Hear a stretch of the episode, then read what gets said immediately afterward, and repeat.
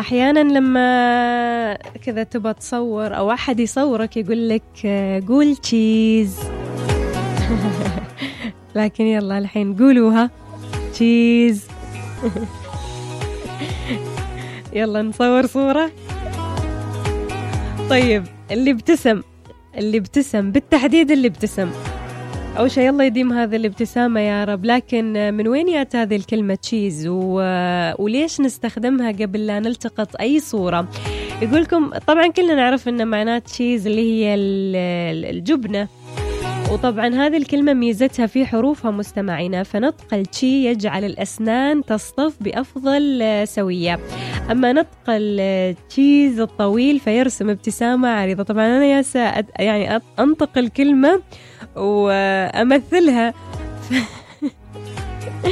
شوف جرب. أنت بعد بنفسك جربها. قول شي تشوف الأسنان كلها مصطفى لما تقول الكلمة أو الحروف الباقية من تشيز حتشوف إن الابتسامة ارتسمت على وجهك كذا بشكل عريض. نشوف. الله يديم هالابتسامة يا رب. طبعا وتكون أكيد النتيجة صورة تعبر عن الفرح بابتسامة آه، جميلة. يقولكم بدأ استخدام كلمة cheese مستمعين لأول مرة مع التصوير في أربعينيات القرن الماضي. أول من استخدمها كان السفير الأمريكي لدى الاتحاد السوفيتي جوزيف إي ديفيز خلال ورشات تصويرية. ولكن cheese كانت آه، اللي ترسم الابتسامة تقابلها كلمة أخرى ترسم ملامح أخرى. إيش هي هذه الكلمة مستمعينا؟ اللي هي كلمة prunes. آه، prunes. يعني أحيانا بعض المصورين يقولوا يعني يا تقول كلمة cheese اللي هي ترسم ملامح الفرح أو كلمة prunes.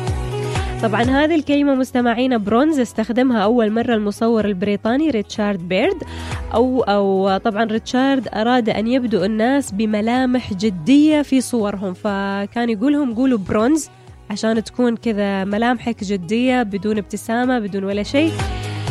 وفي القرن التاسع عشر لم تكن العناية بالأسنان منتشرة فالبعض كان يحس بعدم الراحة في الابتسامة والبعض الآخر كان يعتبر الابتسامة تعبيرا عن الشر أو الطفولية. فلذلك كان يقولوا لهم قولوا برونز عشان تبدو ملامحكم جادة. فكانت برونز مستمعين هي الحل لكي يبقى الفم مغلقا. هذه عن كلمة cheese وعن كلمة prunes مستمعين اللي استخدموها كثير في التصوير ودايما كذا لما نبى نصور يقولوا لنا يا cheese أهم شيء تبتسموا. الله يديم ابتساماتكم يا رب ونروح نسمع لأمال